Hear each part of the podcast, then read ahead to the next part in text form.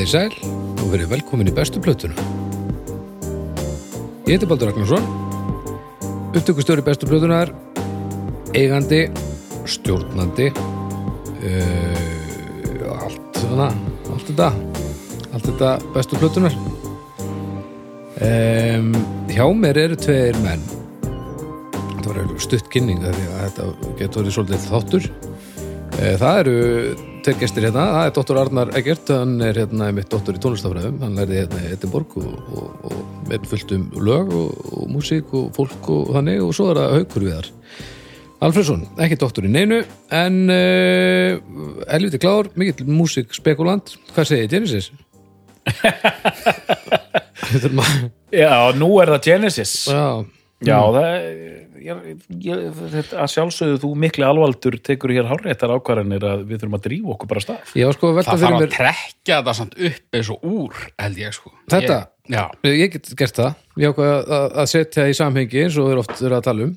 Uh, hann ég ákvað að taka viðfóksefni í síðasta þáttar, karate, og eins og þú sagðir, þá er það 30.000 uh, hlustanir, mána, 30.000 mann sem hlusta á, á karate í hverju mánuði, 32.000. 32.000.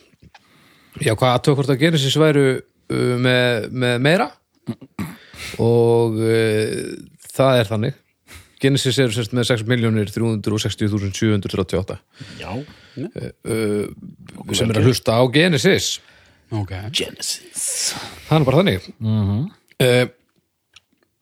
hver kom með þetta? Það var hann Arnar Eggert Tóruðsson Genesis aðdáandi. Þú ert Genesis aðvandi, Já, það er bara þannig. Það er þannig, ég er fanboy sko. Mm -hmm. Elska þessa lúsitt ok. Og uh, þá er nú eiginlega ekkert uh, það, þetta verður nú ekki jafn mikið samstagsverkefni og, og margt annað en, byrju, en haukur, þú ert samt það var nú kannski bara fróðlegt að sjá áður við fáum hérna hjólasögu frá dótturunum, þá verður gaman að heyra hvernig, hver þín aðkoma að þessu er Ég er bara verið full á móti í miljónar, marga áratví. ok. Og ef við bara, ef við geymum þetta þar bara í bili, Já, herri doktor uh, hvar varstu að hjóla í þetta skipti? Já, hjólasaga. Hjólasaga. Að ég hef verið að hjóla. Ég þetta er eiginlega alltaf hjólandi á milli stangarholtsins þar sem ég á heima og Háskóla Íslands. Já, þar fæ ég svona 12 mínútur.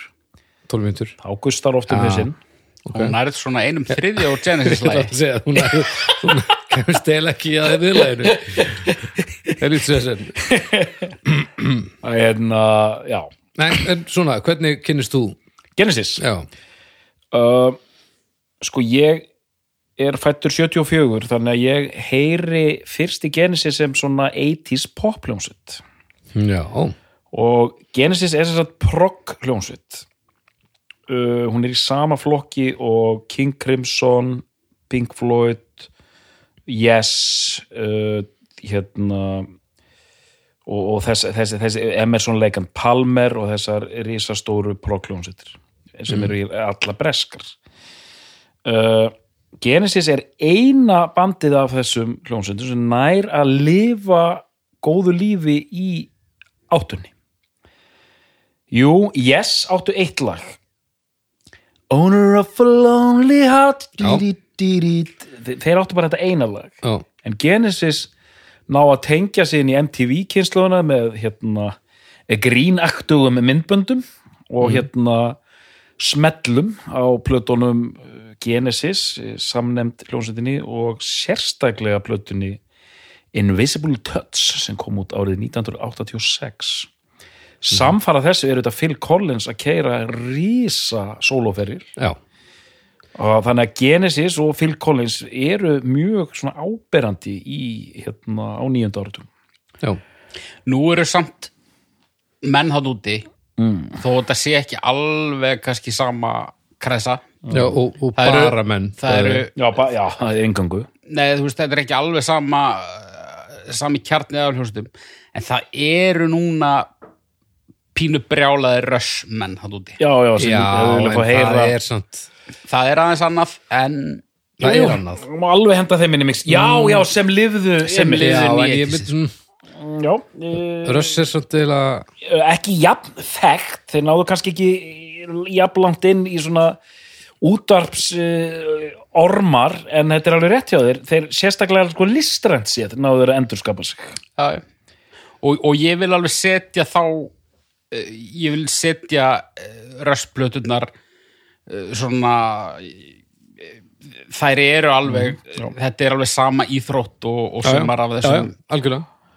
Og og, ég, og, og skemmtilegur hérna fróðleiksmóli, rössur líka stærri en karate á Spotify. Já, sláandi, sláandi réttir og, og hérna og ég, ég, ég vil jafnvel segja svo ég byrja nú að tala niður Genesis að, að, að mér fannst listrætn árangur Russ í áttunni jafnvel sérstaklega þarna á Signals og, Moving Pictures betri en, en Genesis að því að þetta er þetta rosalega poppað hjá Genesis já. þetta er snilt en, en sagt ef ég á að bera þessa tvær saman en ég, ég, ég skulum nú leifa nú, nú eru brjá, það er ekki, er bara brjálæðir rössaðatóndi, nú eru konin brjálæðir hérna Genesis Já, já. allir, mjög leiðir sem er að hlusta á og núna. allir, mjög leiðir, það var allir leiðir að svo. Hættum bara við þetta. Þáttur kvöldsins fjallar um smassmaff yes.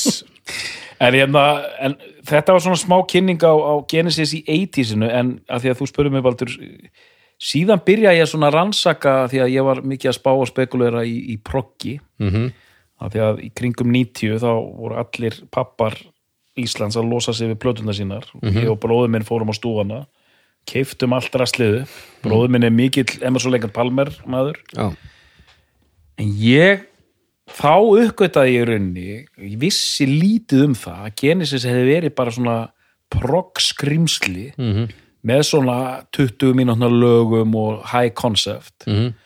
Og fór bara að kaupa þetta aðeins aftur og bak og þá var sagt söng, þá var söngvar í hljónsendinni Peter nokkur Gabriel já, sem hefur nú gert aðeins meira -hmm. og fór að hlusta á þetta bæði þessar gömlu proggplötur hans Peter Gabriel og líka þær sem Phil Collins tók þátt í Mhm. og bara einhvern megin fór bara að fíla þetta alveg í botn og þetta er svona svona uppáhalds proggsveiti mín af því að hún er aðeins mýgri finnst mér heldur en eh, þú veist eh, King Crimson og, Yes og þetta. Mér finnst svona meira aðlaðandi einhvern veginn, ég veit ekki hvað þú segir um þessa kenningu. Ég er náttúrulega ekkit rosalega vel skólaður í, í progginu sko, nema bara ég þekki hljóðheiminn en, en hérna en jú, þetta er sem að þú tala nú stundum um í þessum þáttum, þetta er svona uh, þetta er minna sci-fi og meira hérna að spranga um í, í enskri sveit. Já, eitthvað hérna þetta er svona pastoral dæmi sko. já.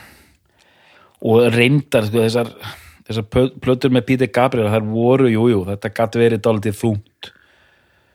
Og svona og, þú veist, tilgerðalegt að sjálfsögðu en hérna en, en gott stöff enga síður en, en það var svona þegar Phil fer á mikrafónin sko, með, hann er svona grallara spói sko, þá svona léttist bara aðeins á öllu sko Já. og það svona lekur bara dálítið inn í, inn í músikina sko en hérna en þetta er, þetta er já, ég, vil bara, ég vil ekki bara halda á stað Jú, ég heldur verðum að taka það svolítið blötu það sé ekkert annað að gera sko. þannig að við höfum ekkert betra að gera Ég mun sko hafa mis mikið til málanlega en ég er endur svo sjálfsög öllu í gegn Já. og bara en bara eitt hérna nei, nei, við komum mörglega náða eftir að því að þeir standa hérna þú veist, Phil Collins lítvokal 70 til 96 Aha. En Peter Gabriel lítvokal svo alls konar 67 til 75 það er þetta 5 ár sem er þetta skarast. Já, hann var að taka svona lead vocals í einhverjum svona ákveðnum lögum á plötum sem voru samt í miklu minni hluta sko. Nei, ok, og sem Gabriel plötum eru kannski 2-3 lög það sem að Collins já, er það ekki? Jú, hann svona, hann, hann, hann, hann, hann, hann byrjaði strax að syngja mikið, söng mikið bakrættir, tók einmitt lít stundum, ok. Þannig að hann svona En kannski fínt bara einmitt fyrst við erum að tala um þetta og það komið svolítið óvart að sko solo listamenninir Peter Gabriel og Phil Collins Mhm.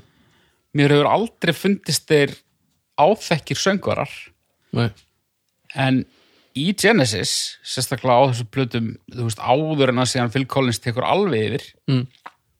þá finnst mér þeir stundum bara helvíti svona fyrir mitt óþjálfaða progg-era þá finnst mér þeir svipaðir. Já, þetta er bara rétt hjá þér sko. ok, Þetta er svona mjög enskrött hjá hann Píti Gabriel, sérstaklega í þessu Genesis proggi. Mm. og sérstaklega, og við komum betur á því á eftir að fyrsta platan sem Phil syngur alla í gegn þá er hann svona, ég er bara frekar líkur Gabriel já, og er fyrsta skitt sem maður heyri Phil pínu svona varfærin og óörgan sko. Það er á, á, á þessari plötu hérna Trick of the Tail. En þeir eru náttúrulega bara kringum 20 þannig já, já, þetta er, þetta er, Þetta eru bara 18-19 ára guttar. Allir 18-19 ára menn eru með einu söngrödd. Það er líku við, eiginlega. Það er bara þannig. Sérstaklega úr með progg vegg á því en hérna, já, Heru, þú verður að taka svona bakgrunnin já, og svo hérna fer ég í Tekur þú nýjustu fréttir? nei, svo fer ég hérna, Hverjir eru hvar? reyni að gera gagn í, í diskografíunni. Já, og hérna ég bakgrunnir ég ætla að reyna þess að þannig sé að ég, ég, er, ég komast það ekki náttúrulega þetta ég er nú frekar lélegur í þessum nöfnum og stopna þetta og stopna hinum einn mér langar svolítið til að dvelja við músíkina en, bara að segja það strax mm. ensklumsveit heldur betur. Og þetta eru allt enga skóla gengnir piltar enga skóla og þegar maður sér þá tala þú veist, þeir tala bara eins og þeir séu ykkur ensku prófessorar við Oxford sko. Já, allir. Uh, byrja, já. Nei, já. nei, ég var bara smjatt sko. byrja þarna í kringum einmitt 67 og hérna og eru bara eitthvað að djama einhverja blúsa og eitthvað svona dótari sko. Mhm. uh, er einhver svona manna hérna manna hérna breytingar og svona uh, í byrjun? En byrjum að tala hans um kjarnan. Það er þetta Píti Gabriel, söngvari. Og laga smiður og það allt. Spjátrungur spjátrungur, Spjátrungur Tony Banks hljómborsleikari Tony Banks. Eins og einn pyrraður maður sem var að skrifa eitthvað um Genesis aði Tony Bank Account Banks Er hann, hann er er svona hann peningakallinn? ha, Er hann peningakall? hann er peningkallinn, hann er svona leiðilegurinn sko. það er, þetta er samt mjög lélugur orðalegur sko. Ok, er, er hann leiðileg, Gaurin, sagður það? aðja, hann, Banks er svona Já, þá er hann, þá er hann hérna Tony Banks í ofnunum já, Er það ekki betra? strax betra Já, uh, eða svona orðalegur ef hann hefði eitt bara fimm mínútum í viðbútt þá hafði hann komið með svona tíu versjonir sem já, já, já, já, já, já. og hérna Tony Banks, Peter Gabriel uh, mikli vinnir uh, og Mike Rutherford gítarleikari. Rutherford. Mike Rutherford, gítarleikari. Rutherford Með D Rutherford, Rutherford já. Hann, hann stopnaði síðar hljómsveitina Mike and the Mechanics sem var mikið svona 80s hérna slagara sveit okay. um, þessir þrýr eru alveg, alveg svona harður kjarni. Og síðan eru fleiri gaurar þarna Anthony Phillips minni með einn heiti. Já. og síðan er eitt, eitt svolítið mikilvægur það er hérna gítarleikarin Steve Hackett. Steve Hackett. Látum þessi nöfn duga. Förum bara yfir í og þú þarf til að segja mig meira um þetta haukur, ég, það er svo landsinni hér þess að plötu. Það kemur út plata sem heitir mjög voldugu nafni árið 1969 From Genesis to Revelation. En þetta er hálgert skoffín þessi plata sko. Algjört, já, hún er ömuleg. Hún er alveg ömuleg. Þetta er alveg hræðileg plata sko. Já, já, það, það er ekki hinnar hljómsveitinnar, ég meina King Crimson byrjaði að gefa út hérna, hérna kort á það, hérna Crimson King sem þykir bara einn flottasta proggplata allra tíma. Uh, þú veist eiginlega held ég, ég held að engin proggsveit hafi byrjað verð en Genesis. Þú ert samt með hana hérna Ég er með hana hérna. Já, já. Þetta er einhver svona endurútgáfa sko, þetta Það er ekkert, það jafnast ekkert á að vera með einhverjar hörmungar í fysisku, sko. þetta er sakalegt sko. sko, hérna ég var fúll á móti eins og ég sagði það Já. en mér langaði samt að gera þetta því að mér finnst svo gaman þegar það er eitthvað sem að mér finnst óþólandi mm. svona mómenti þar sem að ég svona, út í það er svo stutt milli hatur svo ástar sko. samanber röss ást mína í dag sem að eitt sinn var mjög djúbstætt hatur Já, það var nú bara einhver mótrúi sko. já, auðvitað, sem þetta auðvitað er þetta oft mótrúi sko. en hérna mótrúi fermanni verð með aldrinum. Já, gerir það sko. En, en hérna en, ég hef alltaf verið þeirra skoðunar að sko í bestu plötunni þar er önnur útgáfa af hauki heldur en er eitthvað að trolla einhverja hérna, menn í einhverjum Facebook-grúpum og tala um "Eh, Pink Floyd er ömuleg menn. Eh." Þú já, byrju, já, ef við, við erum með eitthvað á dagskrá hérna þá bara, þú veist þá bara fer ég í betri fötin og bara reyni að skilja og læra og, og hvað er það að reyna að samfara um að, þú sért fagmaður? Er það, mei kannski frekar að ég sé uh, falskur. Nei, ég veit ekki Nei, mér finnst bara, þú veist, það er ekkit gaman að uh, þú veist að láta eitthvað skemma það er gaman að vera fyndin og fúll á móti í einhverju Facebook kommenti en þú, hérna það virkar ekki einum og hálfst tíma þætti, sko. Nei, þú verður allavega að reyna og þú verður að gefa sens og fara yfir efnið og Já, kynna þér dótið og, og það var ég bara alveg meir en tilbúin í hérna risaband sem ég vissi ekkert rosalega mikið um Nei, það vita náttúrulega allir eitthvað um Genesis þú veist, Mm. hljómsveit sem hefur haft bæði Peter Gabriel og Phil Collins innan borðs Mhm. þú veist, eh, þú veist eitthvað smá um þá hljómsveit Mhm. samt merkilega lítið. Í rauninni. Já, já, það er svolítið síðan að það var svona Já, og bara afreg þeirra utan Genesis eru líka svo gríðarleg að þú veist Þetta fer aftar. fyrir ofta aftar í ansi vel og, og, og Genesis getur bara verið eitthvað afturþótt sko. Mhm. eh, en af því sögðu ég var til í þetta og byrjaði bara á byrjunni fyrstu plötunni, bara var þetta er ha, hvað er ég búin að koma mér út í? Þetta er umulegt og, og þetta, er svo, þetta er svona spjátrungs hérna, barokk drullan sem við mátt talað um sko. Já, Þeir eru- sem, sem sumir Kattgamli Stevens já, sem sumir gerði ágætlega sko. þeir eru aðna já, einhverjir, en er ekki eitthvað en þetta er bara þetta er, þetta er svo þetta er svo mikil rákasmíð. Já, hún er rákasmýð Þetta, hann má eiginlega segja að þetta sé rákasmýð sko. Er þetta progg rákasmít Já. það verður nú ekki að löra. Já, en, þetta er ræðilegt en ég var nú fljótur að smetla mér á gömlu Wikipedia bara á meðan ég var að hlusta á plötuna. Ok. og þá sá ég nú fljótlega að það var ástæða fyrir að þessi plata er eins og hún er að hún er í rauninni bara svona samtíningur. Þetta er bara þetta er einhver lög þetta er einhver demo þetta er einhver lög, einhver stöglög sem þau tók upp eitthvað Hmm. þetta er bara samtíningur bara, já, hér er nóg mörg lög og bara prófum þetta Já, já. Það er ekki rétt Jú, og, sko, og það er ekkert á þessar plötu, ekki neitt sem gefur til kynna það sem var framöndan sko. ok, Nei. Það svo gott, og eiginlega varla röddinas Gabriel sko. það er svona, það er vottur af henni en hann er samt alveg pínu óþekkjanlegur sko. Ok eh, og bara ótrúlega svona eh, lágt orkustig og, Já, já, algjör einmitt og, svona, og lítið að frétta sko. lítið af frétt, þetta er bara einmitt þetta er bara svona músiktiljóna element einhver sko. en, en það gladdi mig að sjá þetta hann bara meðan ég var að hlusta á þetta bara ok, þú veist þetta er sennilega eitthvað sem engum þykir gott þannig að ég er ekkit hérna eh, þannig að ég misti ekki, ekki trú á verkefninu það sko. nei, nei, nei, nei. Eh, þannig að platan á eftir má segja að sé svona fyrsta platan þar sem þeir fara í stúdíó með það fyrir augum að- hljóðrita hljómblöð og hérna erum við með plötuna Trespass. Trespass. Kemur út 1970 já, árið síðar. Já, árið síðar og eins og umslæði ber með sér nú á að fara að progga. Þetta er alveg progg gott. Alveg proggott sko. Bara mjög greinilegt hvað er að fara í gang það er þessi eftir að bítlandi gáð út Sgt. Pepper 67 þá þurftu allar hljómsveitir að sína hvað þeir voru klárar á hljóðfærin og hvað textarnir væru djúpir og konseptin væru flott og svo framvegis mm -hmm. og uh, hérna kemur ég með trespass svo komu, svo komu Sex Pistols og Björgu já, og björgu okkur sko. hérna, en þarna er þarna er annar trommari, hérna John Mayhew heitir hann trommleikari en þarna Ant Anthony Banks eins og hann kallar hérna, ekki Tony Banks. Anthony Banks. Já, Michael Rutherford, ekki Mike Rutherford þetta er allt voðalega alveg sko.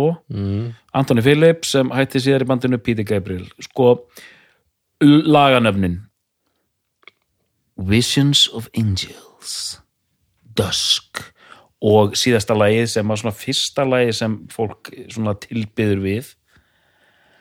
The Knife Knífurinn, nýfurinn og hann er hérna aftan á mér sér sko hann er nýju mínútur þarna strax fer ég að fá, fá kvíða já, já, já, einmitt, níu, þetta er nýju, já Þetta er mesta progg sem ég hef hýrt Þessi plata? Þetta lag á þessari Þetta lag? Þetta er bara svona eins og hérna, bara einhver grínskett sko. Að, Já. ok, En, er þetta leiðilegt? nei Nei, Sist, og ég veit að þeir sem eru að hlusta eh, ég er ekki að tala við ykkur, nú er ég að spyrja haug sem þekki mig vel hvort að mér finnist þetta leiðilegt brók ekki að hvort þetta sé leiðilegt The Knife, er það ekki hérna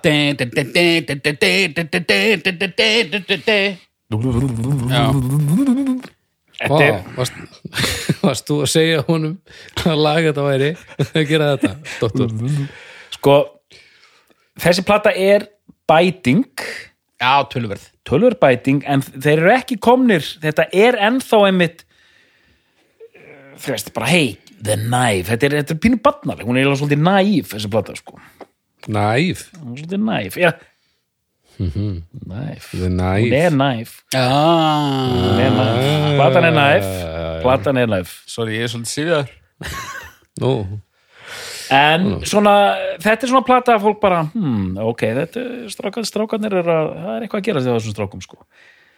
Já, og sko, ef við tökum líka bara, þú veist, þessi plata hljómar eins og hún eigi heima í þessum katalóg. Já, þú já, veist, já, sem hinn gerir ekki. Nei, maður, maður heyrir alveg svona þróunina frá trespass og í rauninni, í rauninni út áttunda áratugin, sko. mm en það er engin, það er engin bein lína úr fyrstu, sko.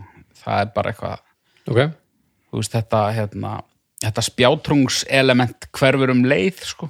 ok, og, og, og líka, líka bara mjög skýr og góður munur bara á uh, hversu vel spilandir Já, eru já. Og, og hvað hún sándar vel sko, veist, í veist.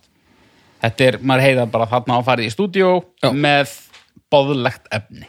Næs síðan hérna núna fara hlutinir að gerast sko.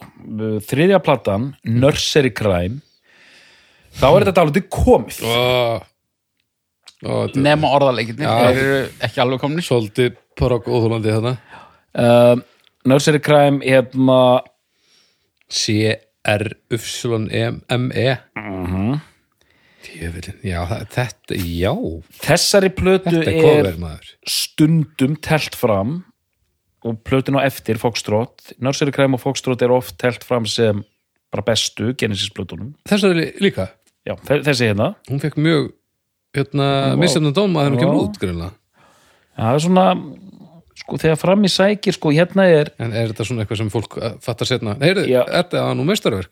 Já, Sorry. algjörlega, Sorry. Sko, hérna erum við komið í þetta sem við vorum að tala um þetta pastel, þetta English whimsy -hmm.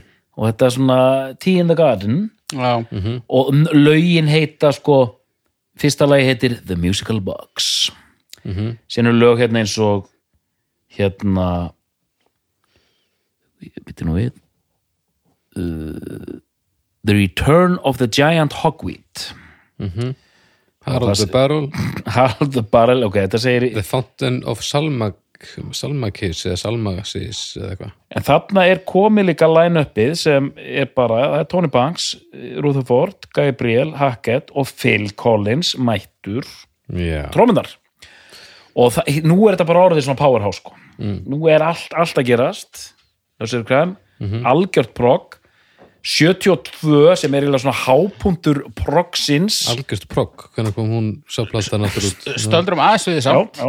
Mér langar bara að segja, hérna, ég veit þannig mikið að segja um, um nursery crime, sko. Nei. En, en uh, við töluðum um mikla bætingu frá fyrstu yfir í plötu 2 -hmm. og þarna heyrir maður líka mikla bætingu í trommuleik. Og trommuleikurinn á Trespass er uh, hann sleppur uh, en hann er alveg svolítið segi stundum já, finnst mér uh, en svo þarna á þessari þriði þá ertu náttúrulega komið með já, mann sem að kemst á einhverja lista sko. já, já. algjörlega, hárrétt. Og hérna og þeir halda áfram með hérna plötinu Foxtrot sem ég finnst algjörlega frábær og það er lag sem heitir Watcher of the Skies sem ég finnst bara algjör snilt það, hérna, það lag sem ætti, geti verið ensi fyrir um lag. Watcher of the Skies Watcher of the Skies er svona, svona dramatísk byrjun, svona hljómborð svona, og veist, þetta er bara svona orðið svona, svona fors sko. hérna, Peter Gabriel miklu stöði og bara eða hvað fannst þér, þú þú bara sándar og þetta er bara svona bara prog on einhvern veginn og allt er að ganga upp sko, en þú veist, er bara hver, hversu hvernig er þetta að fíla, þú veist, þetta er svona prog through and through sko. sko mér finnst í rauninni eftir fyrstu tvær þá finnst mér þetta svolítið svona skiptast í svona tveggja plötu knippi mér finnst Nursery Crime og, og Foxtrot mér fannst þær áþekkar. Mér finnst næstu tvær áþekkar. Og svo næstu tvær, þú veist, eftir að Gabriel fer uh, er það er eitthvað til í þeirri kenningu eða er þetta bara Nei, sko, sko Nursery Crime og Foxtrot eru venilega uh, taldar saman sko. Það Fokstrótt virðist að fengið á sínum tíma sem Já, er vissulega þegar það vera snúið í gang þá er kannski já, bæði coverinn náttúrulega það eru alveg áþekk og, en hérna Fokstrótt var miklu betri dómað en hún kemur út sko. Já, já, já.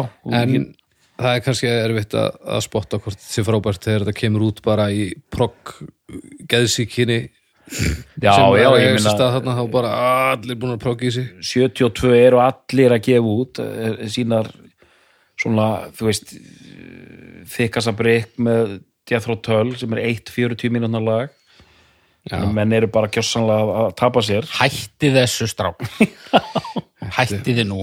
Þannig að þetta er alltaf komandi en í dag það er bara fólk dyrkar þetta. Fólk bara Já, já. elskar þetta. En sko á þessum tímapunkti og ég kannski kem þú, þú kannski kemur með eitthvað hérna, þú spyrir mig bara eftir. Já, er, ertu frelsaður? Já, já, ég, ég skal spyrja á eftir já. og þá, þá svara ég því sko. En allavega þegar þannig komið við sögu þá er ég alveg ég er ekkit svona orðin afhuga verkefninu, skulum við segja. Út í fíling já, alveg eins sko. ég er ekki ég er ekkit, ekkit að mig sko, pínu fegin að þetta sé ekki allt eins og fyrsta platan. Mjög fein sko. Og ekki komið með proggþreytuna nei, en ég er samt svona þú veist já, ok, er þetta allt svona? Já, þetta er allt svona? Að, það er komið samt. Já, já, þú veist, þetta er allt svona. þetta er allt brogg sko. Já, þetta er, já, það er, en, en það koma samt alltaf lög og kaplar svona, já, já, hvað er að spáðu Vist, ég, er, ég er ennþá alveg áhuga samur okay. og hérna uh, pff, ég man ekki hvað ég ætlaði að segja ég ætlaði að segja eitthvað mjög gáulegt en uh, svona, ég, ég átti að spyrja þeim frelsununa í, í lokin. Já, já, Ég legg til að við, við bara við höldum áfram þessu tempói förum aðeins í gegnum þetta bara svona. Síðan skulum við reyna að líta á stóra samhengi í restina sko. það er bara flott. Af Því við verðum dálítið að fara í gegnum þessar plötur þetta er allt voðalegt sko. 73, þeir halda áfram að gera proggplötur kemur enn ein hérna. Sláandi fréttir. Það er ótrúlegt sko.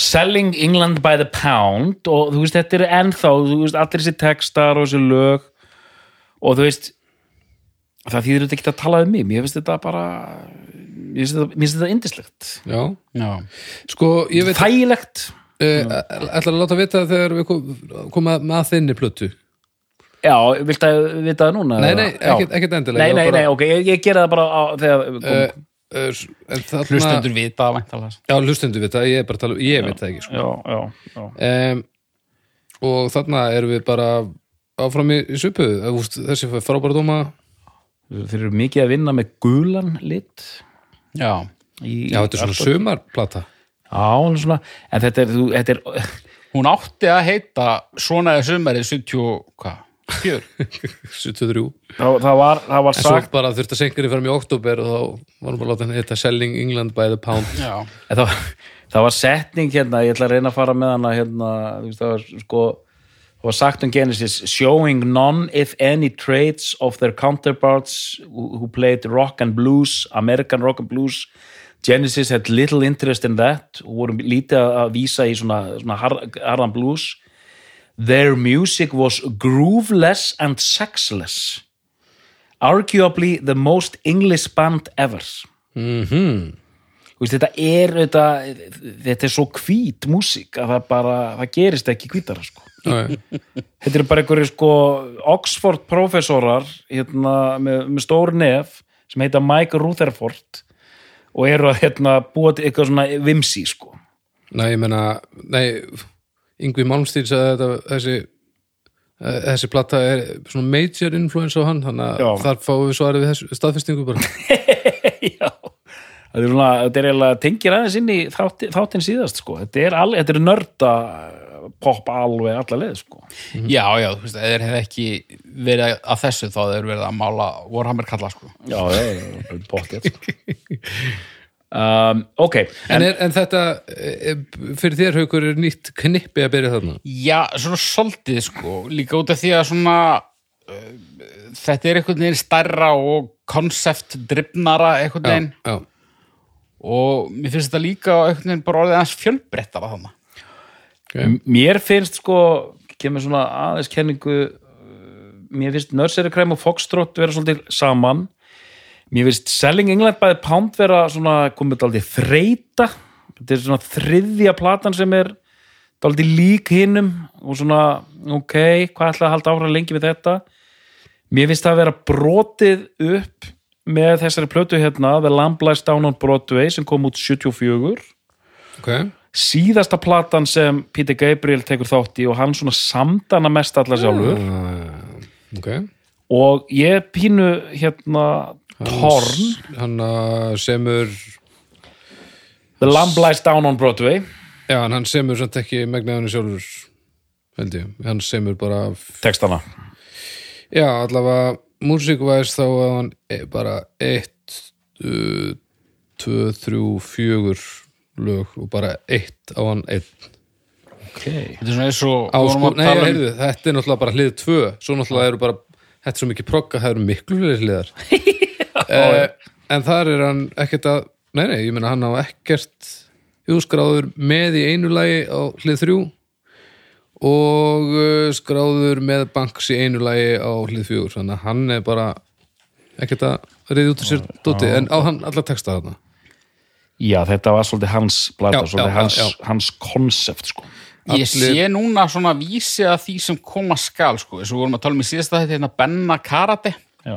Að Balli Genesis gæti verið eitthvað. Ballet Genesis? Já, þú ert að- skóla doktorinn hérna í já, ég vildi bara, æmi bara svona best kannski við hæfið, hann væri nú kannski ekki að Já, menn hafa fengið við nefnilega klúðra- minna til efni sko. hann væri ekki að klúðra svona basic dóti sko. Mm -hmm. þannig að Ég ætla að maður, reyna að láta þetta festast. maður var að sína Ballet Genesis. Já, Já, gangið vel. Það er skemmtilegt. En hérna þessi plata er mjög oft uh, sett fram sem besta plata Genesis.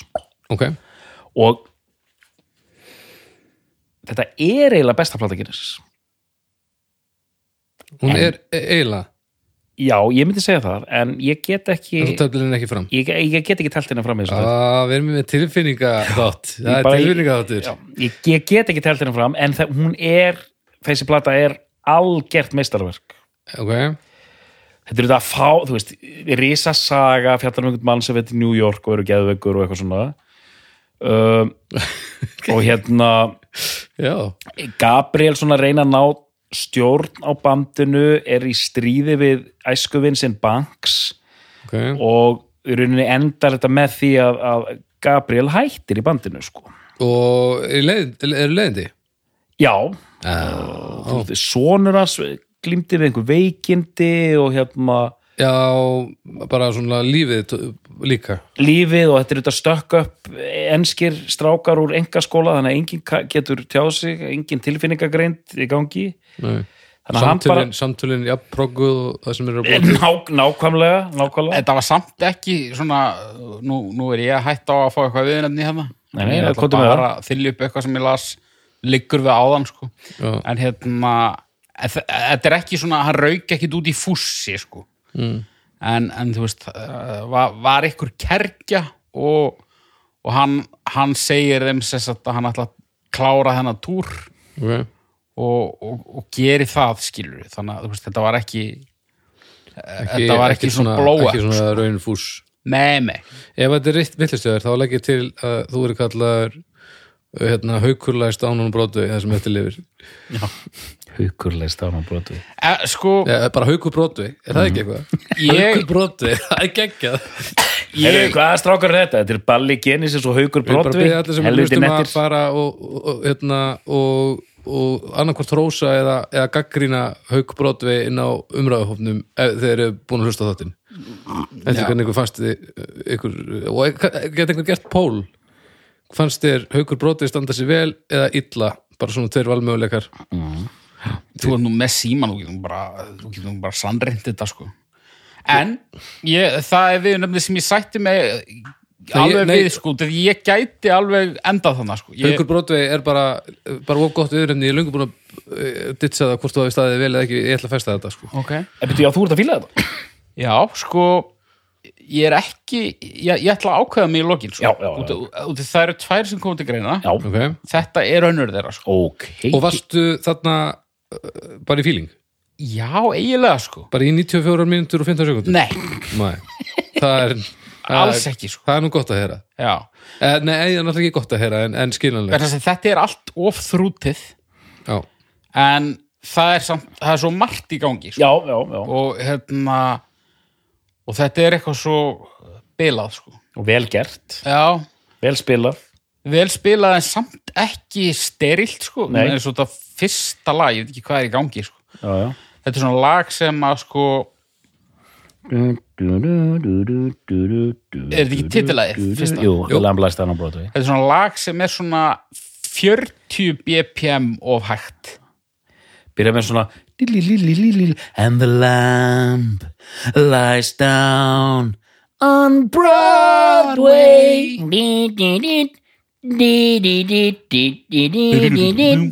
geggjaði bassi. En sko ég hef aldrei á æfinni hirt lag þar sem er svona jafn mikið ósamræmi í raunhraða og hraðanum sem það ætti að vera á. Já, ég, ég var að verða vittlus ok, en það er samt einhver snild við það líka.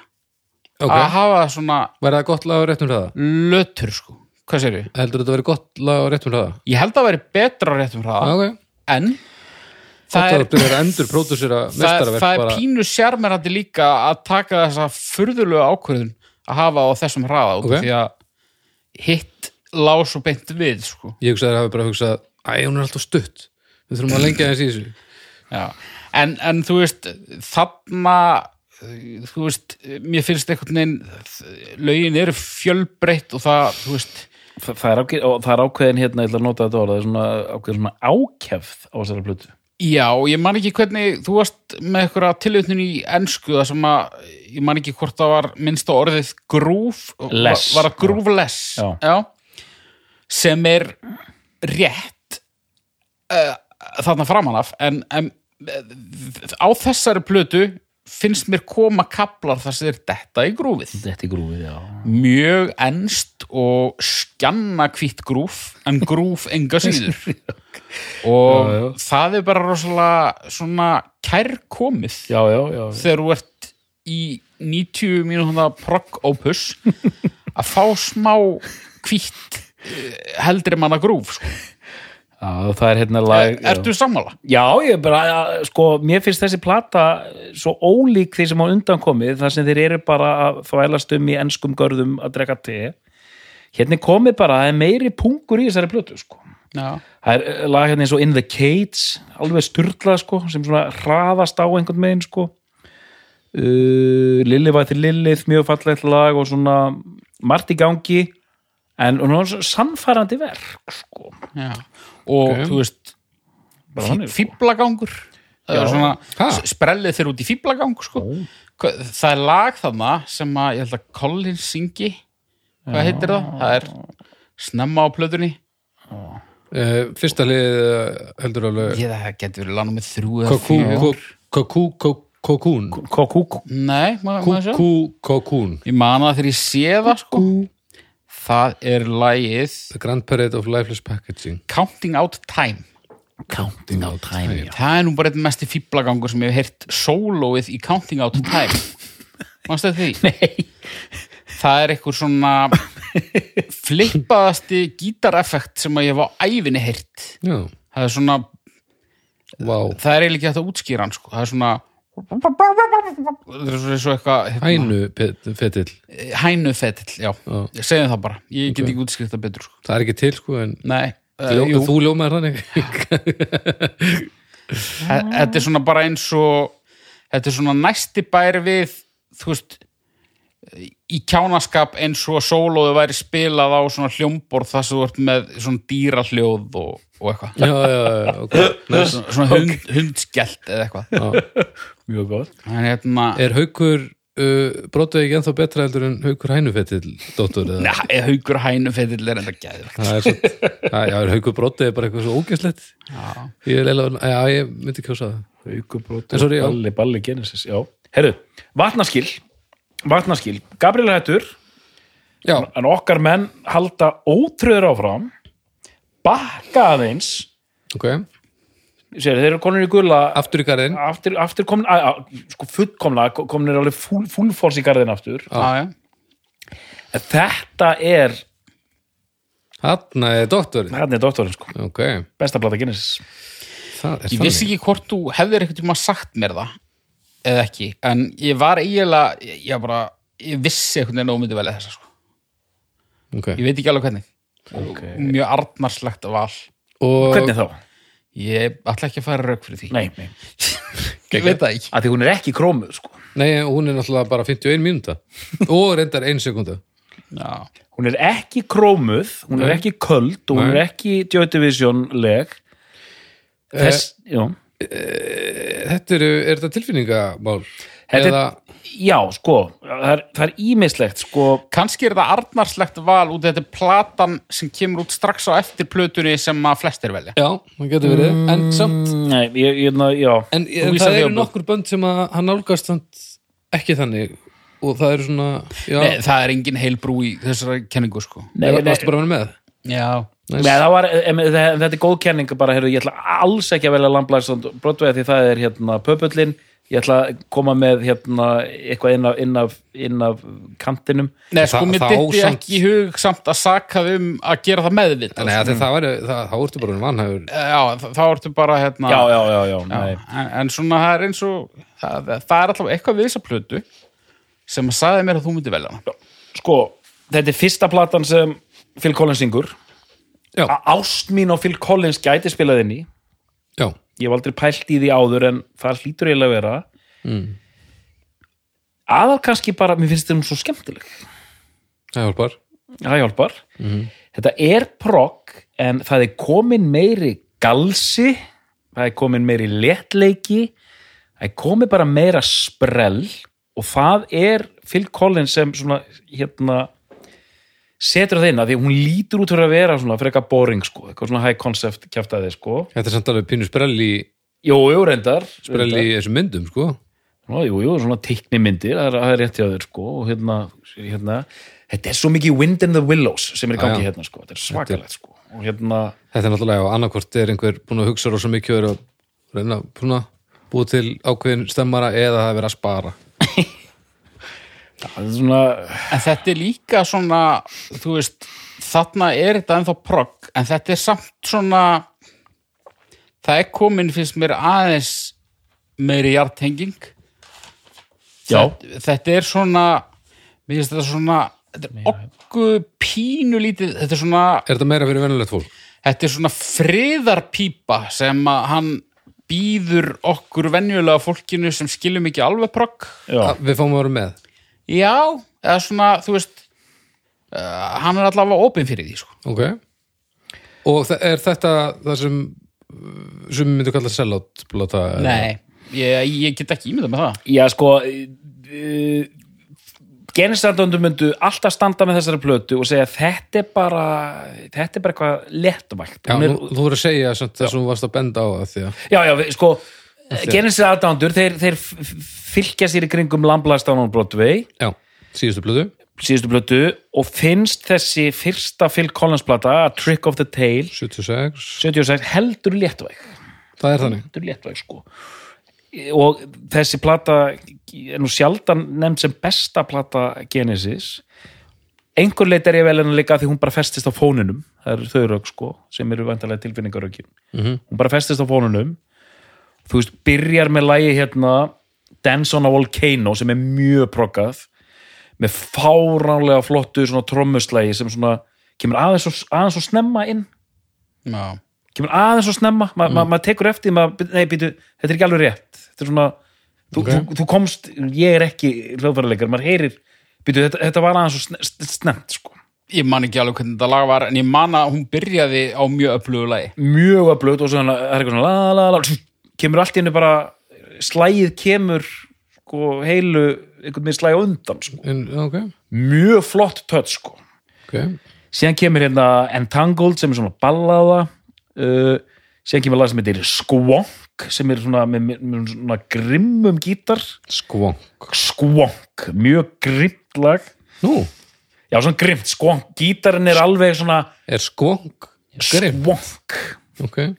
Gítarinn er alveg svona alveg svona rífin einhvern veginn gítar sko.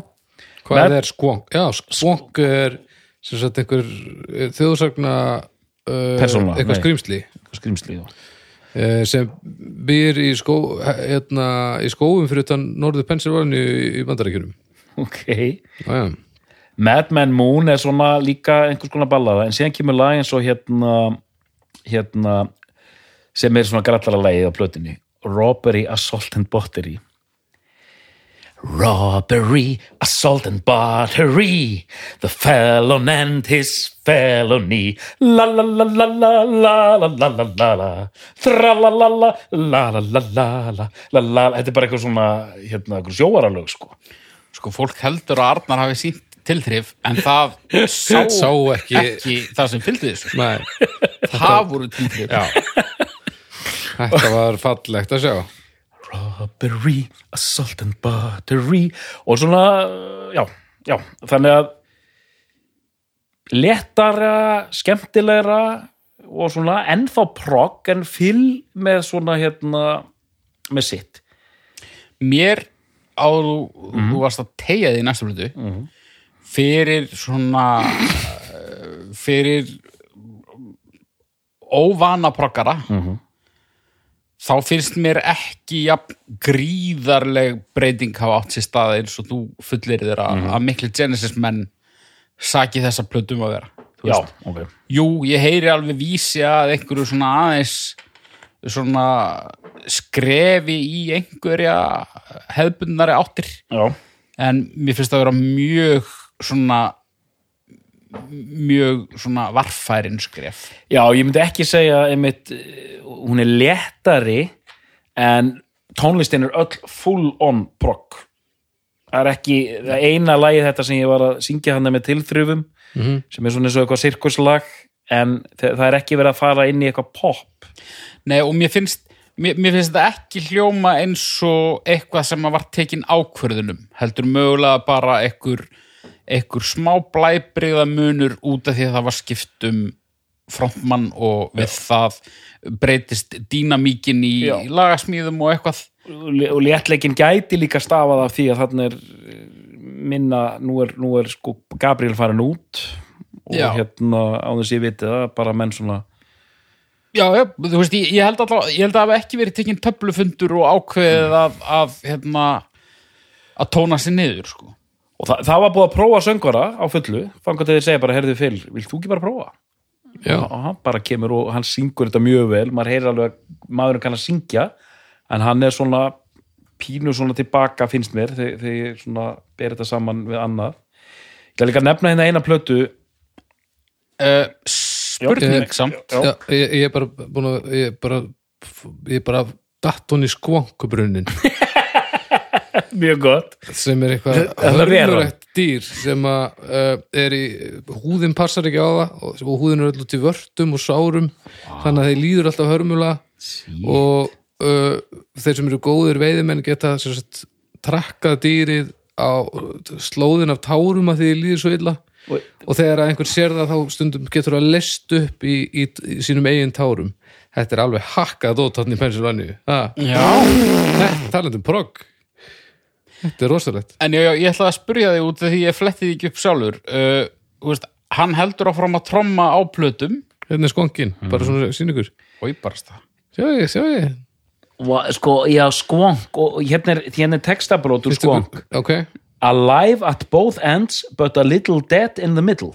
Er, er þetta dýrið sem sagt? Mm. því líður alltaf hræðilega. Já, bara, það er bara alveg, alveg búið Stráka, fullt af plötum eftir við höfum ekki tíma eitthvað dýr. Nei, ég meina skvangi, þetta er bara snild. Oh, sorry, ég bara við erum að fara í hérna kynlíf hérna skvonkdýra. Skvang, já, byrju, haukur, þú varst með eitthvað Hann heldur áfram að tromma plötunar já, já, uh, og á einhverju tímapunkti veit ég að hann að þeir voru með uh, trommara live. Var eitthvað transitional period þar sem að hann var að syngja og tromma live? Já, já sem sagt Phil trommar alltaf plötunar hljóðverslega. Já, alltaf. En þeir fá til liðs við sig bandarískan sessjónspilara sem heitir Chester Thompson. Einmitt. Uh, svona bara LA dude. En, hann, en það er ekki strax. Nei það er ekki strax sko. En, en það styttist sko í túrnum styttist í þá, það sko. á túrnum þarna upp úr þessari blötu tryggðuðu til. Já, þá uh, fá þeir Bill Bruford. Bill Bruford, já. Sem var í King Crimson og Yes líka. En hann það var tók, Colin sem að tók hann eh, einhverja túra bara Collins með heimtaði að fá að velja trómaran sjálfur og vald, Já. valdi hann, já. Sko þetta Þú var varst að þannig segja þetta, þá var það bara því að ég var að skvanka í mig hérna, sorry. Sko Collins er hann 75 sko 76-77 er það Bill Bruford. Já, og sen eins og þú segir Baldur Phil heyrði Chester Thompson ringja nei, hérna spila og hann ringdi í hann getur þú komið og tekið túr hann auditionaði ekki einu sinni, sko. ok hann, bara, hann bara mættur sko. En út af því þið voru báðir að hugsa um þetta astnala dýr þá hef ég ekki ennþá fengið svar við spurningunum minni Hvað varst varstu að spyrja? Sko? Uh, Spurðu bara Var hann einhvern tímann live á settinu Já. og að syngja það var fyrir að því að sko Baldur var að tala um dýrir og ég var farin að lesa upp hérna, textabrót úr læginu til að hérna, sem tónaði við lýsingu hans á dýrinu. Já, er, ok, eh, spurningin er hérna hvort að þeir hafi uh, sungið og tromma live? Já, ge gerði hann það einhvern tímann? Trommað og sungið eða trommaði smá stund og farið síðan fram fyrir og sungið? Trommað og sungið á saman tíma. Á, á sama tíma. Já, það var eh, minna um það sko. Já, ok. En Það hérna, bara, Já, bara Já. En þá veit ég þá, Já. þið getið haldið áfram að tala um dýrið. Nei, en allavega hérna skulum fara sko ég ætla, ég ætla að taka þetta hérna afgreða fyrst þessa plötu hérna sem kemur út í kjölfarið á, á hérna Trick of the Tail Wind and Wuthering Já, hún er þetta er svona eins og þingan eftir Trick of the Tail. Já, þetta er ekki skemmtileg plata Þetta er arti cover maður. Arti, rosa arti cover en hún er, hún er þung hún er aldrei off og sagan segir að banks bank account banks banks í banks Mhm. hafi tekið aldrei stjórnina aftur. Bara, heyrðu, við erum bara komin út í einhverja vitleysustrákar það er bara eitthvað sprell. Nú, eða, nú tek ég bara og þetta, þetta er svona skref tilbaka hún er, hún er, það er eins og sé farið já, Ég get eiginlega ekki sagt neitt slæmt um hana vegna þess að ég sett hann í gang og svo bara var hún búin Ég man ekki hvað ég var að gera en hún bara svona, já hún leið hjá þetta er aldrei þannig plata sko. án þess að ég yrði hennar var Já. í rauninni. En ekki á slæman hátt Ég eiginlega veit það ekki sko. Nei. ég hef bara, bara hún, hún skildi ekkert Nei, Nei, ok. ég, hef, ég hef gert nokkra tilraunir að reyna að koma mér inn í þessa plötu og það endar alltaf svona, maður bara hættir að taka eftir henni eftir 2-3 lög sko. Já. En nú kem ég hérna með gleði fréttir og nú ge- get ég komið með alveg, alveg háklassa kenningu hérna, hérna er Seconds Out, hérna er liveplatan 77 þá fá þeir hennan Chester Thompson inn. Já, og það er alls konar, þeir byrja stundum á tónleikunum, þá er Phil á trómum og Chester Thompson og taka svona tvímenning á trómum en síðan tekur Chester vennilega settið og Phil fer hérna framfyrir. Já. þetta er mest stæla, það er til vídeo af þeim þar sem Phil er að tromma og syngja. Hann gerir eitthvað að því en að mestu leiti þá tekur Chester bara á honum hittan og trommar tónleikana já. og Phil fer framfyrir og syngur. Og það er mjög merkjanlegu munur á þeirra stíl. Ég ætla að fá að hérna, segja þetta Já, og, og snúa þess upp á Genesis aðdándur ok. Chester er, er fýtt trommari sko en hann er, ha- hann er með svona session takta sem ég kann ekki við. Að hann er hann er rosa streit, Fáa- Fáaður fáaður og streit. Af því að Phil er alltaf með svona slaufur, skemmtilegar. Já. En Chester bara sleppir því sko. Það eru lög, maður er að býða eftir aukaslæginu og það kemur ekki sko. En þú ert nú samt alveg blindaður af, af Phil Ást sko. Phil Ást sko. Já. ég vil pínu bissi í trómuleik sko. E- ekki of bissi en svona smekklegar slöfur sko. Chester bara sleppir þessu alveg sko. Hann bara hann bara trommar þetta of Já, streitt Já, já, en hvað, segir þið? En ég meina, þú veist, em, þú veist Samhengi. ef, ef, að hljóðvers upptaka er með einhverjum Slöfum slaufum sem að eru svona einkennandi Þá- þá er mikilvægt að, að þær komi live, sko. En, en að Ég er ekki að tala um hvert einasta slag En ef þú ferð á ACDC gegg og, og það koma auka slaufur þá er það ekki gott það er ekki gott. Þannig að þá er líka samhengið, veistu að þú ert að horfa á ACDC með einhverjum öðrum heldur um en þetta er þetta líka það, og það, en það er líka önnur það er önnur, önnur, önnur umræða að hérna svo fyndin þessi krafa okkar að maður heyrir plötur, hljóðursplötur Mm. og maður vil fá þetta eins á tónleikum Já, sem ég- er þetta bara algjört rugg ég, Já, ég, ég vil þetta ekki eins sko. ekki, ekki en, ég heldur. en hérna En ACDC essence til dæmis er slöfulust þessi, já, þessi svona svalleiki sem hverfur um leið og þú ert farin að sína þig. Mhm, og stundum eru bara trommukablar og trommubreik sem að eru bara uh, jafn mikilvæg og bara liggur við húkurinn sko. Mhm. Já, já, og bara ef ég færi sá slipnótt og þetta kem ekki einhver styrlunar breyk bara stanslust, að mastadón og þetta væri bara streitt, maður er bara leiður sko. ég meina tökum smá þjófstart á bara hinn óumflýjanlega Phil Collins þátt sem að verið tekin einhvern tímann í ímyndið ykkur inn í Air Tonight án trommubreiksins inn í taktin. Já, já, það, þú veist nei, nei, það er ekki. það er dæmi um eitthvað sem að verður bara að vera eins og á plötunni. Já, já en, en það er líka í aðalutverki já, sko en það er til dæmis eins og bara grallaralagi sem ég söng hérna á þann Robbery, Assault and Battery sem er mikið slaufulag. Chester bara trommar það bara gegn eins og hann sé sofandi sko. Og hérna gengur ekki upp. En, en, en Chester er samt flottur. Þetta er flottur trommari, hann, hann, hann á eftir að vera betri sko. En hérna það er samt pressa að vera að tromma í bandi þar sem að einhver hérna, meintur besti trommari heims eða hvað það er er, þú veist, Já. með þér á sviðinu já, og, og, og, og einhvern veginn vakir yfir þér sko, eins og einhver, gammur. Já Taylor Hawkins talaði nú aðeins um þetta sko. Þetta hefði nú ekki farið með hann en, en þú veist, þeir voru þetta mjög ólíki trommarar líka. Já en í báðum tilfellum erum við með trommara sem frontmenn sem að hafa þó einhvern veginn bara eh, það vit á því að, að treysta einhverjum öðrum í verkið þó að þeir kannski mögulega séu afskipta samir í, hljóðveri. Satt. Mhm. heyrðu mjög gott. The Last Gasp í þessu proggi er þessi plata hér. Að nú hættir Steve Hackett og uh, þeir eru bara þrýr eftir. Platan heitir And Then There Were Three og það er bara Phil Tony Banks og Mike Rutherford eru eftir. Og þessi plata kemur út 78 þetta er progg plata en þarna eru þeir eiginlega bara ornindáldi rángstæðir finnst mér sko. Já, hún er ágætt en nú er komið tími til að hissa upp þessu buksundar sem þeir sannarlega gerðu.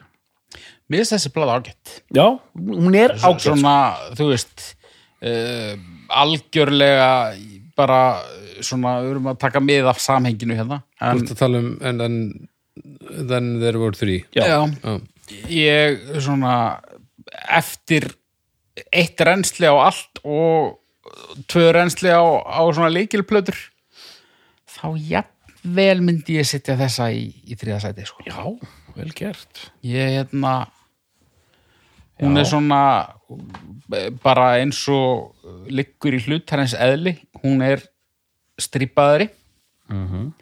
og, og svona einfaldari einhvern veginn og, og hún bara er þetta ekki jafnvel bara svona rokkaðasta plata þeirra Ég hef alltaf skinnið hana aðalega sem svona bara já, já, nú þurfum við að fara að gera mér finnst að vera komin svolítið út í hot sko, veist, með proggið sko. já, já, þú veist, það, það er ekkit eitthvað hún er ekkit brjálæðislega spennandi en, en það er eitthvað svona, minnst eitthvað mm. eitthvað smá dólgur í henni sko. okay. ég, svo, svo heyrist mjög greinilega á mér, ég er svona ekki ekki mjög djúft inn í þessari blötu sko. En þarna kemur lag sem er fyrsta svona lagi sem kemst á lista hjá þeim ok, hvað er lagið það? Follow You, Follow Me og ballaða, Mm. Það er ballad að ballað sko ágætis ballaða hjá strákunum sko. Það er alveg þrýr singlar þarna. Já, þetta já, já, þetta er bara strákunir aðeins fættir að fá svona byttu, þetta er bara komið inn á lista. Herru, er þetta 77? 78 78 Næst skulum við tala um tvær plötur sem fylgjast algjörlega af og hérna þetta er eiginlega finnst mér svona mest áhugaverðasti kaplinn í ferli Genesis. Því Genesis er prog sem verða er pop en það koma tvær plötur. Annars mm. var Duke sem kom út sjö, nei, 80 og Abacap sem kom út 81 og þessar plötur er einhvern veginn gjössanlega á milli þylja, þetta er hvorki prog nýja pop. Það er að vera að prófa sig áfram með einhverja hluti. Og þetta er eiginlega hálf fáránlega plötur sko. og eiginlega bara ógeðslega svona skemmtilegar, það eru reynda lög sem eru svona algjöri progghundar allt í rugli sko. En þannig eru lög eins og hérna uh, Turn It On Again sem er svona svona minimalist svona bara í sama riffinu allan tíman svona hækkanir, svona, svona leikvangalag einhvern megin sko Já. ég veit ekki hvort þið sko Turn it on Turn it on, turn it on again Turn it on, on Turn it on, turn it on again og þetta er bara eitthvað svona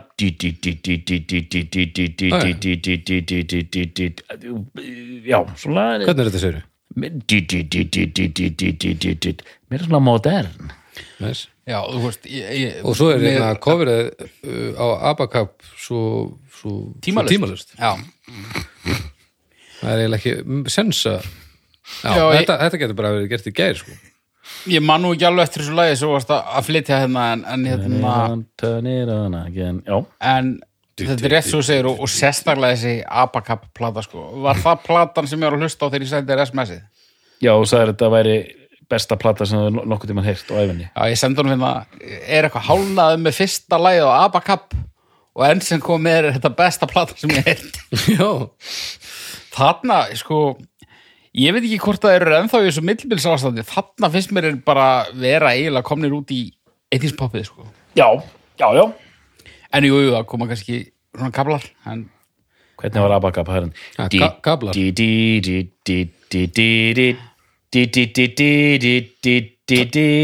trommurnar komnar ógæðslega framalega alveg bara stórar stóru 80s Já. hérna uh, slá í raskinnar sneril sándið sko. Slá í svolítið Já, Svona handklæðið í sundklefanum já, já, já, já. já, já, já, já, mjög svona, hvað er þetta, closed mic. Er ég hef bleitt handklæði snúið upp á, og, og, og gefið góðan sla, bara svona, já, ég- góðan, góðan kynna kinnhest já, bara svona, já. Og þarna líka á tónleik. Hvenar hérna eru börnunum nógu gömul til þess að maður megi gera þetta við á þessum að lendi vandræðum ég veit það ekki sko. Nei. ég var mikið að vinna með þetta þegar ég vann á leikskóla. Ég kom nú ekki nálagt neinum kinnum eða raskinnum. En við vorum með svona svona blöytar svona taupleir. Og ég var alltaf að æfa mér að nota það svona og svipu bara svona út í loftið. Þú veist svona ná þessum út í þetta eru blöyt sko. Já, já, og vart ekki einu svona snú upp og það er já, já. og ba- bara ná hljóðinu sko. Og þetta var alveg þannig að ég var hann svo góður í þessu að ég var kannski með nýja já. og ég var kannski búin að gera þrissar eða fjóru sinnum og þá voru byrjað að svona sáldrast svona, svona þræðir úr, Þræðir? úr bleiðinni sko. Bara holy moly svakalegt sko og þá og þá fannst varstu- þetta mjög tilkomið mig Já, og helstu vinninni alveg já, já. Já, ok. þetta, ég, ég, ég passaði passaði fjarlæðina sko já, já, já, já, já, já samvinsku samur Ég En held að hérna- dótturinn sé að reyna að tala um kynnisins eða eitthvað en, en, nei, sko, hún hjælt nú ekki stöðu sinni sem besta plata sem ég hef hirt, sko. En, en eh, þarna erum við komnir svona á slóðir sem höfðu aðeins meira til mín, sko. Ok, Meðan stóð skemmtileg. Já, sko, nú er farað einmitt og þe- já, já en hún svona fær alls konar dóma, syns mér á, hún kemur út Já, al, ég ímynda mér að margir hafi verið fúlir á móti samt, eða ekki? Hún fer á topp Þetta eru svona, toppinn í Fraklandi þetta eru svona, þetta eru svona transition plötur en þeir eru verða rosa stórt liveband Já. það er komin auka gítarleikari sem ég man ekki svona hvað heitir Já, hérna, í bandið já sem spila þess að tónleika svona Já, svipað já, tester já, sko. já, já. En eru komnar svona, svona sex eða átthyrndar trommur? ábyggilega sko. ég, ég fór alltaf að hugsa um auðmikið Rúþerford var komin hann með töfaldagítarinn Ok. Já, spilandi, spilandi bassa hérna neðan á sko. Já. tippagangur er hérna, þetta er, þessi er mjög skemmtileg þetta er hérna þriðja tónleikaplatan þeirra. Three Sides Live. Sides Live. Three Sides Live. Þannig er til dæmis lagið Já, ok, skilur ekki máli, herru Það er farið að finnast í, í, í doktorsbunkanum hérna. Ég er með tvær plötur. Já, hann er semst búin að vera að, að sína okkur þetta á vínil blötum Já, allan tíman, já. bara svo það komið fram. Allar er að taka upp plötur hérna. Þetta er búið að hjálpa okkur hérna við yfirferðina. Það eru fjórar breiðskjur eftir Ég er bara með tvær hérna Þú getur farið stutlega yfir sko, síðustu tvær En ég ætla aðeins að tala um þessar tvær. Fyrsta hreinræktaða popplatan heitir einfallega Genesis mm kemur út árið 1983 Já, og þannig er bara komin svona pjúra poplög, ég ætla nú að syngja eitt fyrir ykkur. Það er lag sem heitir hérna That's All. Það er svona. Di-di-di-ding, din,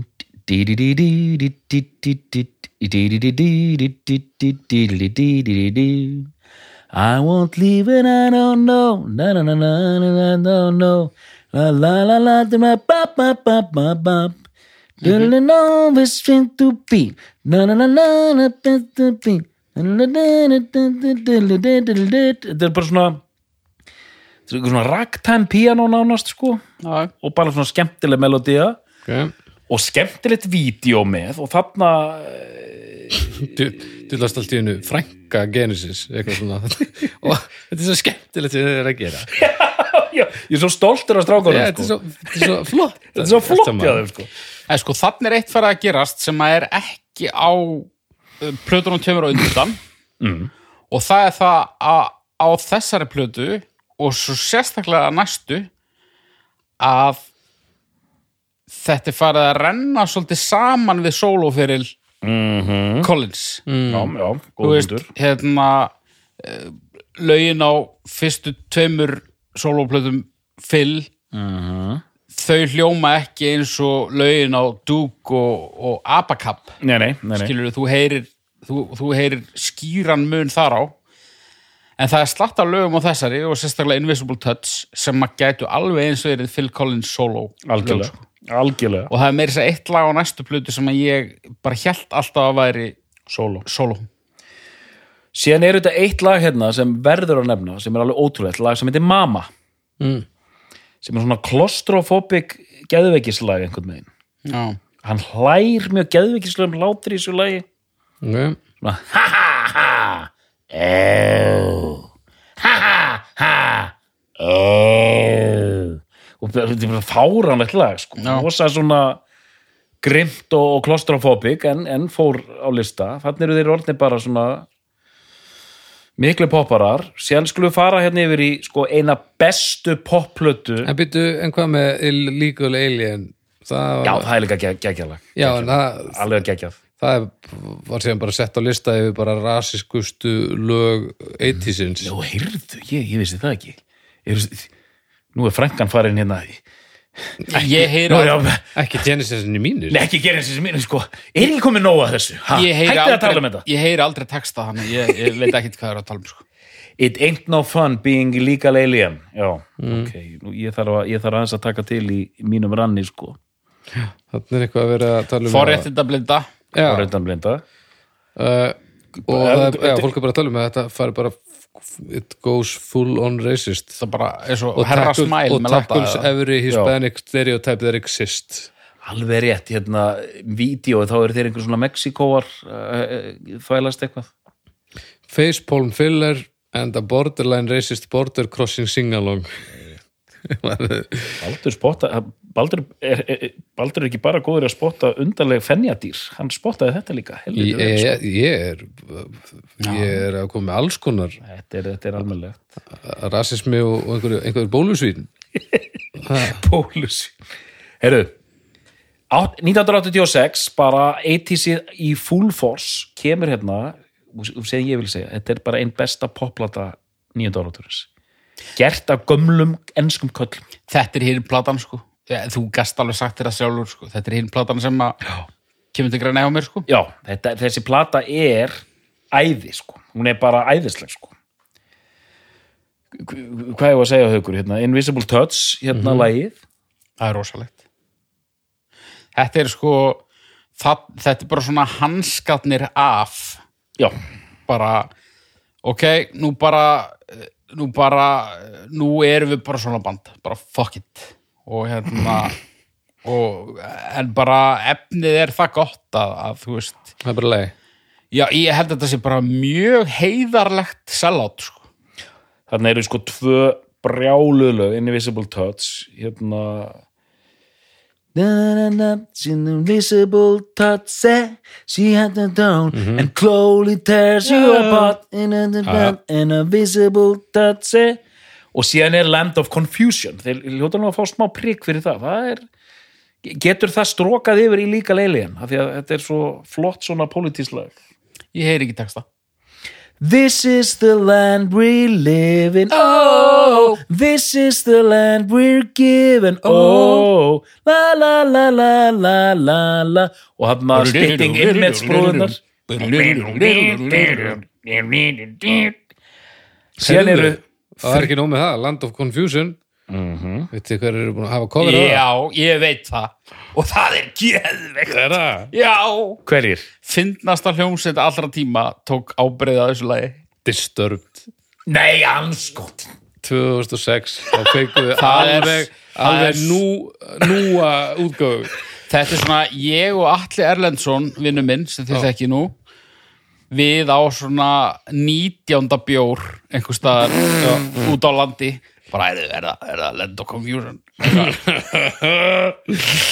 Það er gott. stórgott sko ég, og, og, sko ég ætla nú ekki að segja betur en orginallin sko en, en, en við skulum segja eða fyndnari allavega en, en orginallin já, ég myndi að setja slá því fyrstu og þess að heyra það mér sér uh, En, en djúldir þetta gott lag sko. en hvernig, en eins og núna er að mæra þessa plötu Já. hvernig eru svona uh, rótgrónir genisasarar uh, þarna úti ég ætla bara að giska á að þeir séu er- bara uh, fúlir sko já, þetta er mjög góð spurning, sko. eru, eru menna fróðufella núna er, að þetta er ekki progg Ja, það gæti verið, sko. ég, mér finnst þessi plata algjörlega stórkosleg en það er nánast þetta að segja þú veist, þessi plata og The Lamb Lies Down on Broadway þetta er ekki sama Nei, nei, nei, nei. það er nánast ekki að þetta saman þó þetta séu sömu hljóðfæralegarnir og þú getur heyrt einhverja tengingar en Ja. eiginlega ekki sko.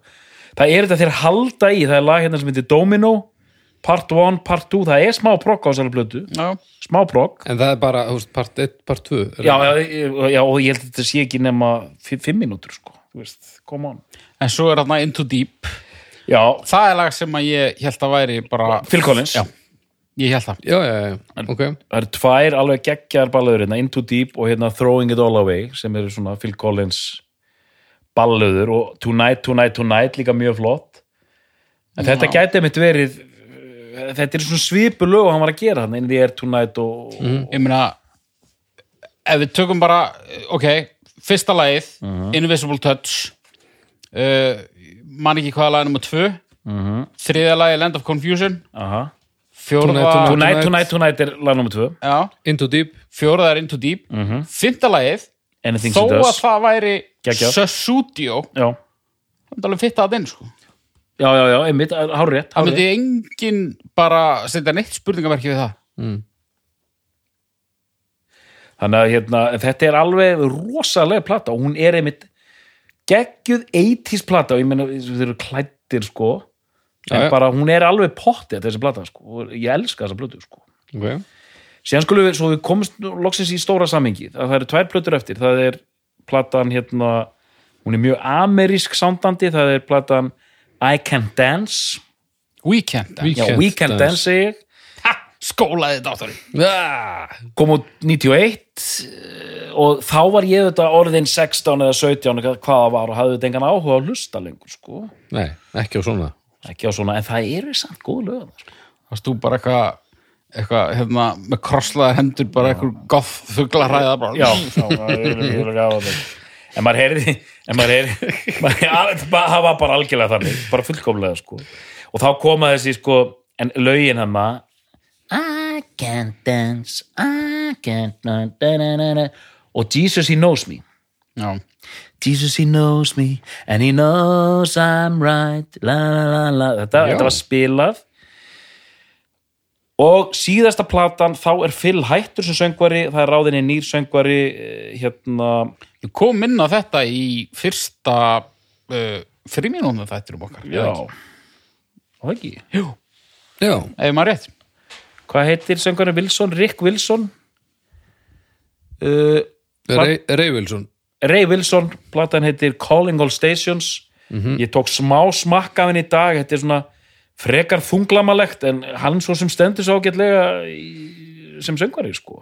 Já, ég er slepptinu bara. Að, en, en já, hún, er ekki, hún er ekki á veitunum einu sinni þessi plata sko. heyrðu þú hefur ekki hugmynd um hvað sjöpa á plataðin Hugur. nei, ég bara ég, ég bara, ég var bara fallin á tíma og ég bara, nei, ég slepp þess bara fárun eðun fárun eðun en doktorinn sagði líka í frímínúna þættirum af þeim daginn að það var lilla plata sko. þannig að ég, hérna, ég, ég tók mér þetta besta leifi en þessi plata er svona eins og segi, hún er þunglamaleg það er ekki mikið að frétta þarna og, og, og þeir greinilega vilja ekki einu sinni stillinni fram sko. Já, en nú erum við svo að búin já hún fekk ekkert spes dóma. Nei, þetta var, þetta var, ég skildi ekki alveg hvena kom hún aftur út? 2000 og eitthvað? Eh, hún kemur út uh, 97 97, ok, 6 árum eftir Weekend Dance. Um, já, sko nú erum við búinir að fara yfir allar plötunar og svona og búin að segja eitt og annað. Þá er, nú þurfum við að halda þess áfram. Sko já þetta band, ég meina meina eins og, þú Baldur, þetta er svona þú heyrir þessi poplög kannski eða Já. hvað, já. Já. Þetta er svona útvarsfóður mikið. já og við erum með þarna einhver lög sem eru það stór. Mhm. ég hef nú örgulega heyrt spilaði blúköpum og svona. Ég hef örgulega heyrt eitthvað af þessu proggodóti heima þegar ég var lítill sko. Mhm. það var Emerson Leikan Palmer svona stemmari. Já, já, en ekki þannig ég muni eftir ég hafa verið síðan þú veist plötunar nákvæmlega eitthvað en það kem, kemur ekkert óvart og eitthvað þessu hefur verið á sveðinu en ég þetta ekkert vel. Ég veit að þetta er bara þetta er eitt af þessum böndum sem að lætur ákveðin þjóðfélagsóp hafa hátt. Mm -hmm. og uh, auðvelt að gera á brjála sem er alltaf ánægefni en og mikið af þessu á veit ég að mér á eftir að finnast leðilegt en það hefur ekkert með að gera hvort þetta sé gott. Hötti Magg er mikill genesismæður já, við vorum dregnir inn í útvarsþátteinu sinni, ég og Hötti mm. og tala um Genesis. Það er, já, þeir eru alltaf að taka þessa, þessa lokatúra. Já. fylgkallinu orðin óttalegt ró. Já hann hann er orðin alveg þe- þeir eru að spila saman eitthvað um þessa myndir eða ekki? Jú, Phil, Phil, já, já. Phil Greiði situr á stól. Já, ég meina hann er hvað er hann gamall? Hann er samt ekkert eitthvað Nei. bundaður, 70 pluss hann er bara 72 eða eitthvað, já, hann er er hann bara ekki í- 50 Fættur, já, 51 51, já, 51 Tony Banks 71. og, og Rutherford er í góðum fílingar Colin Sestur bara En það er ekkert eitthvað verið gefið út hvað er að hrjá hann eða? jú, jú, hann er hann, hann, hann þjáðast að miklu þunglindi. Já, ég vissi það og síðan er eitthvað tauga klemmu dæmi sem uh, aftrar honum frá því að tromma. Sonur hans trommar. Já, þessi tvítugur, sonur hans. Já, já, já, næs. Hann trommar uh, nei, sem sagt, situr og syngur og gerir það nú ekkert sérstaklega vel og Ok. þannig að þetta er ræðilegt að því að sko hann, og hann varð svo þunglindur og, og alkoholist og eitthvað svona að því að hafa svo mikið spirit í þessum gaur sko, í eitísinu sko.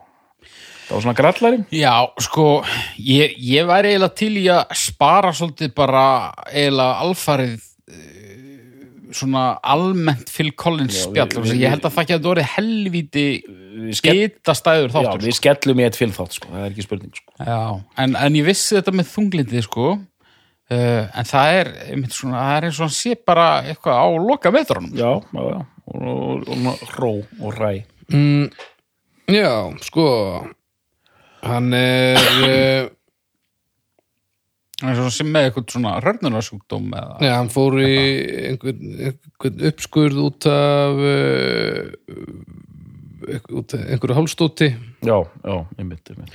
Og hann misti tilfinningu í puttunum og, og, og eitthvað þurftu, þurftu að teipa kjöðana við hendurnar á sér og svo var hann þunglindur og og uh, svo bara fyrir í eitthvað, einhvern hrygg einhverja hrygg aðgerð líka. Já, já, og já, hefur ekki fengið tilfinninguna almennilega í, í hendurnar. Svo verður hann sikursjúkur Mm. típa 2 og einhverja sýkingar og eitthvað að fokkunum upp. Hann er ekki að toppa hann er ekki, nei, hann er ekki að fara að slá inn hýrasmynd, skulum við segja. Nei. Nei, nei, fyl, fyl, fyl, fyl, fyl fær sinn þátt en, en hérna en sko með þessa hljómsveit almennt ég, hvað á ég að segja? Ég maður Já, að og svo er hann að detta og skalla vask á einhverju hótelherbyggi 2017 og það þarf að cancela, þú veist. Þetta er að út af einhverju sýkingi í löppinni sem að, sem að hérna e, reynsa sig ekki almennilega út og eitthvað. Þetta er, þetta er bara óhefni í bland við alls konar held ég. En mér styrir reyni magnað, sko, núna var ég að koma svona nánast kaldur mm, að þessu, sko, þessu progg efni, skulum við segja, þessu, þessu fyrir 1980 efni, já, já, uh, en uh, hafði tekkað á einhverju einhver tímann og, og líkað illa. En mér samt eiginlega magnað, sko, miða við hvað þetta eru margar plötur Já. og hvað eru rómaðar það er ekki eitt lag af þessum plötum sem að heyrist neinstaðar þú veist, þú þarft að bera þið eftir þessu öllu já, er svo magnað hvað þetta er stórt en þú þarft að bera þið eftir þessu öllu það er Mm. ekkert lag til dæmis frá Peter Gabriel árunum sem þú myndir nokkuð tíman heyra í einu samhengi á einhverju útastöð einhver starf, það er bara ekki sen sko. ekki, ekki möguleiki þannig og ég meina, er, er, kemur Invisible Touch á rás tvö í dag eða það væri helst eitthvað af þessum senustu tömur Já. hérna, Dot- Dotti hendi í eitt, eitt, eitt Genesis smell já, fyrir hérna hádegi. 83-86 Já. blöðunar mögulega Mhm. en, en mér finnst þetta svolítið magnað og þetta er svo risastort en Já, já. þetta er ekki spilað næsta þar sko. Þetta er áhugavert sko. Og hérna, og þið tóku náttúrulega Peter Gabriel þátt þannig að þannig að við fyrir nú svo sem ekki að fara mikið út í það en, en einhvern veginn þetta er svo rosalega þú, veist, þú heyrir alltaf af og til í Peter Gabriel.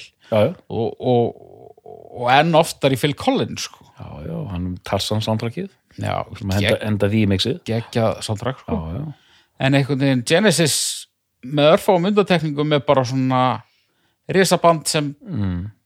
er hvergi spilað en þú veist, ég ætla nú ekki að nota orðið kallt hljómsett, þetta er nú eiginlega starra dæmi en svo en, en hérna þetta er svona, já, þetta er svona þetta er svona söfniður sko. já, já, svona papparokk frá helviti, sko, og hérna en ég er að reyna að skilja, sko þú veist, við allir hérna þrýr, við eigum allir svona einhverjar uppáhaldshljómsettir það er ekki alveg hægt að reikna það út alveg til enda af hverju ákveðna hljómsettir verða uppáhald, sko. Ég mér er alltaf þótt útrúlega vænt, vænt um Genesis. Ég er að að- hvað er það í músíkinni hérna? Þú veist, maður heyrir það sko, progskeiði þeirra er þetta bara, jú, jú, það gengur kannski meir út á eitthvað svona sín, síndarmennsku í að setja saman ólíka kapla og svona. En eins og í 80-sinu þá er þetta svona alveg útrúlega grípandi lög, sko, ég dýrka þessi lög, sko. Já, og hérna, og ég gerði mitt pínu test, ég kíkti á hana This is Genesis á hérna Spotify. Já, það er einmitt, það er bara fyrstu 20 lögin þar, þetta eru bara 80s lög sko. Mm. það er ekkert, einmitt, það er ekki hérna, The Return of the Giant Hogweed var ekki að skora hátt sko. En það sem að heilla líka við þetta er bara hvað þetta er úkislega vandað, þú veist hvað þetta er vel gert. Það Já, er alltaf bara að því að margir hafa reynd og ef þetta ekki gert af, af hæfileikum já, já, og fullur um heilindum, há er þetta get, þetta verður náttúrulega alveg pínlegt, sko. þetta er eitt af þessum böndum líka sem smellur, þú veist, það er einhverjar eitt trómari sem hættir, hann kemur nýr trómari einu sem kemur þessu, sem kemur eitthvað svona fimmana unit Já. sem lemur saman þessar proggplötur. Mm og þetta band er bara on fire þarna, Ve einhver vel mannað. vel mannað sko. En svo er líka sko hérna uh, á, ég, ég er að fá eitthvað, eitthvað heila sjúkdóm held ég Getur þú staðið upp?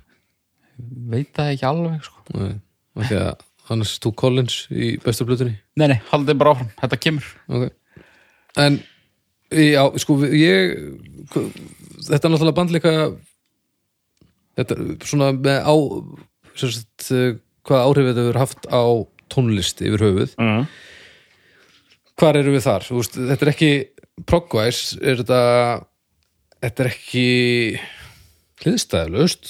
nei, alls ekki Við erum þarna með einstaklinga innan bandsins sem eru hliðstæðlausir. já, Phil sem áhrifavaldur, ég held að sé, það er ekki eftir að gera lítið úr því. nei, nei, nei, hár rétt. Á ymsa vegu líka. Uh, sem trommari sem sólóferils maður já, já, kannski ekki beint, jú sem söngvari líka Já, rauninni, en er náttúrulega betri trommari en söngvari myndi ég segja, en hann er rosalega sérmennandi söngvari. Já, já, já, algjörlega. Og svo náttúrulega sem bara bara höfundur bara Höfundur. ta talent. Og líka sem popstjarna. Já, svona sérstök já, popstjarna mjög sérstök popstjarna. Þetta er eins og hann og, sittend og sköllótt og alls Já. konar og eitthvað. Og hérna sko, hérna ógeðslega fyndið hérna uh, hann settist í píanóðu á Live 8 og byrjaði að spila eitthvað, einhverja balluð og gerði feil mm. sló vitlega sem nótu. Fyrir framarskiluru 120.000 manns og hann bara svona, hann yfti bara öxlum og hló. Ógeðslega örugur sko, held bara áfram síðan sko, bara átti vafði liðinu um fingur sér sko. Já, já. og hérna en að, þetta er eins og hann og Elton John svona ólíklegar popstjörnur einhvern veginn og hann verður algjör risi.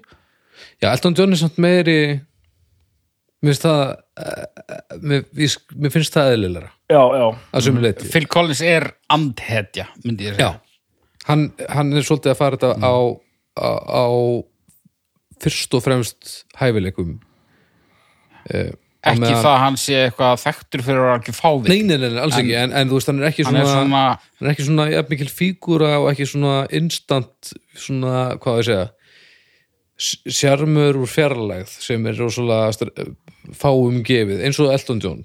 Ef hann væri hundur þá hann, hefði hann fundist á einhverjum röstlahaug og verið settur í eitthvað svona dýra atkvarf og enginn vildan ógeðslega lengi. Já, og svo eitthvað neginn komið ljósa að hann var stilíkur já, hann hundin á ruslinu fann og hundurinn er miklu gáðar en hann og svo Dóttar Gunni sagði. Já, lagið um hérna uh, Óli hundaóli já. Óli, Óli hundaóli Óli, Óli, Óli Hann væri þá, hvað, Phil Border Collins er ekki, Ó, jésús Ég man hvað ég ætlaði að segja, strákar. Já, heyrðu, komdu með það. Það. var ekki merkilegt. Nú, Nei, ég, ég ætla bara að segja viðst, Magna líka að það má færa rauk fyrir bæði því að þeir taki sig mjög Mm, jú. ef við tökum bara hérna, allt broggið og öll konceptin og hvað Gabriel er voðalegur og svona. En svo er, eru þau líka bara að fýblast geðið mikið og, hérna, og víla það ekkit fyrir sér sko. Mér finnst það kannski svona mér finnst það rosa skrítið sko út af því að út af þessi þessi proggarar voru allir svona settu sér í ákveðna stærlingar Jú, jú. og hérna þeir bara svona rosalegi listamenn en svo kemur bara kom ykkur kjánalæti sko. eins og get ekki ákveðið sig En, en, mér finnst líka, mjög gott baldur það sem þú segir, sko, að þú þetta er ekki hliðstæðalöst band Genesis á, á progskeiðinu. Yes uh, og hérna King Crimson, þetta var þetta voru hljómsveitir sem var að gera bara mjög svipaða hluti. Þetta voru mjög áþekk band.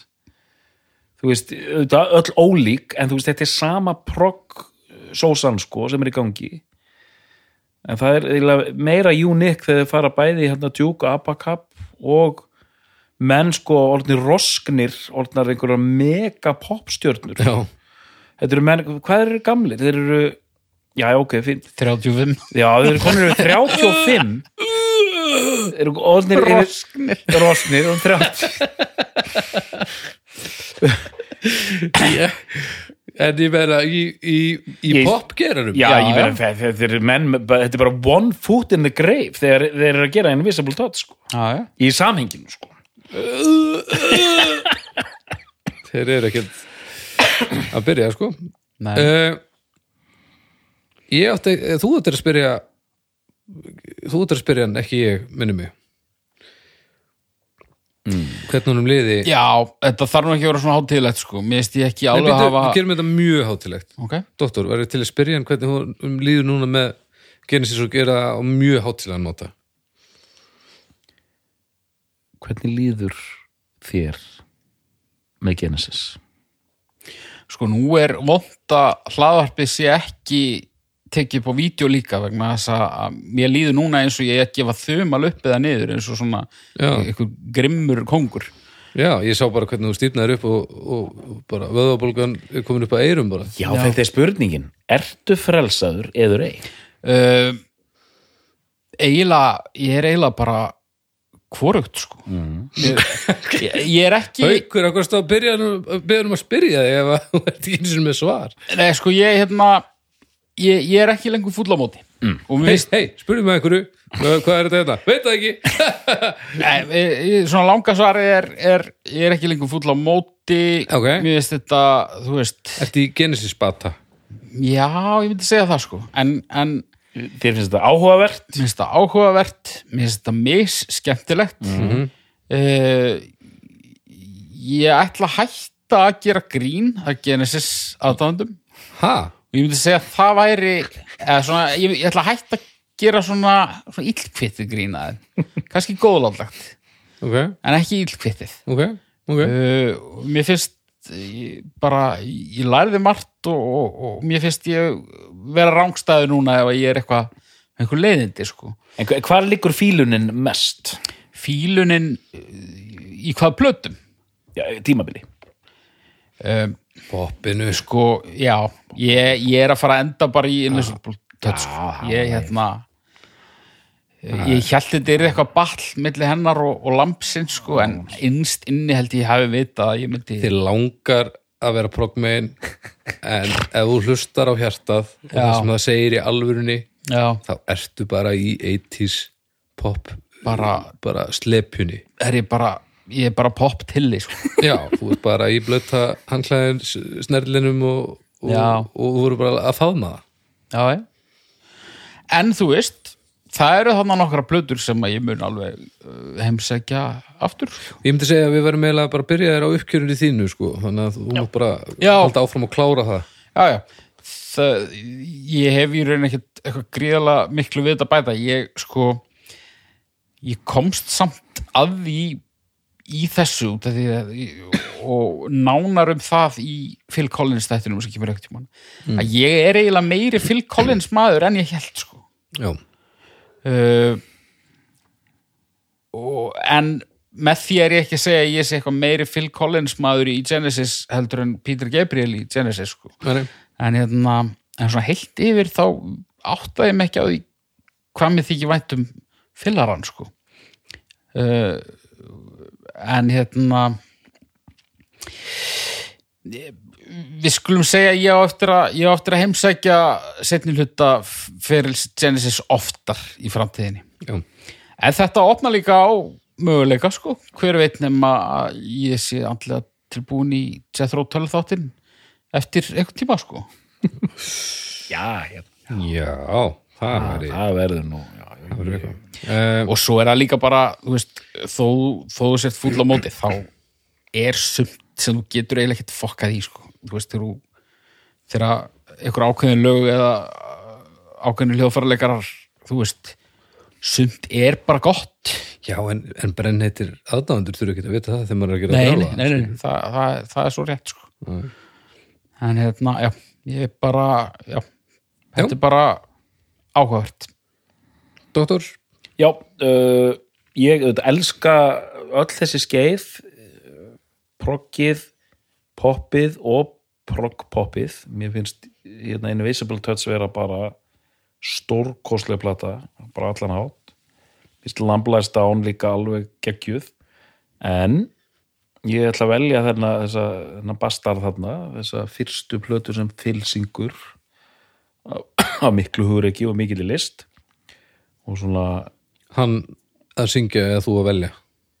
Hann að syngja. Ok, ég ætla að vera að fyllast svolítið fullur í svolítið ég ætla að velja hana hérna, að miklu hugur ekki og mikill list. Já, og miklu hugreiki og mikil list ætla ég að velja þessa plötu. Þá ættu bara að hátilegur hérna rétt þú spurðir haug sko. Og það verður, það verður örglega, það verður gaman að setja upp einhvers konar skoðanakönnun að hvað fólki finnist í raun um þetta ég sé að velja plötu sem, sem svona fólki finnst vera har, glerharðir genesismenn finnst vera full mikið letúð yfir þessari plötu. Sko mesti Genesis maðurinn í mínu lífi ég held að þetta sé hans plata. Ég manna það ekki en ég held það. Þannig að þú ert mögulega ekki jafn yfirgefin í þessum klubbi og þú heldur. En við er ekki fleiri með hutta brotuði samt í þessu en þessu plötuvali jú, jú, jú. er að það ekki slegið? Ó, jú. það eru flestir sem segja að sko. það er, eða, eða við myndum flettum nokkur svona ranking þá er hún örglega efst í öllu þessu sko. en það er Trick of the Tail og það er besta plata Genesis að mínum mati og ég þakka fyrir mig, þetta er búið að vera alveg útrúlega gaman Þannig að doktor er þetta besta plata Genesis? Já, Haukur Broadway er þetta besta plata Genesis? Nei. Við þakkum fyrir í dag og við heyrumst að vikuliðinni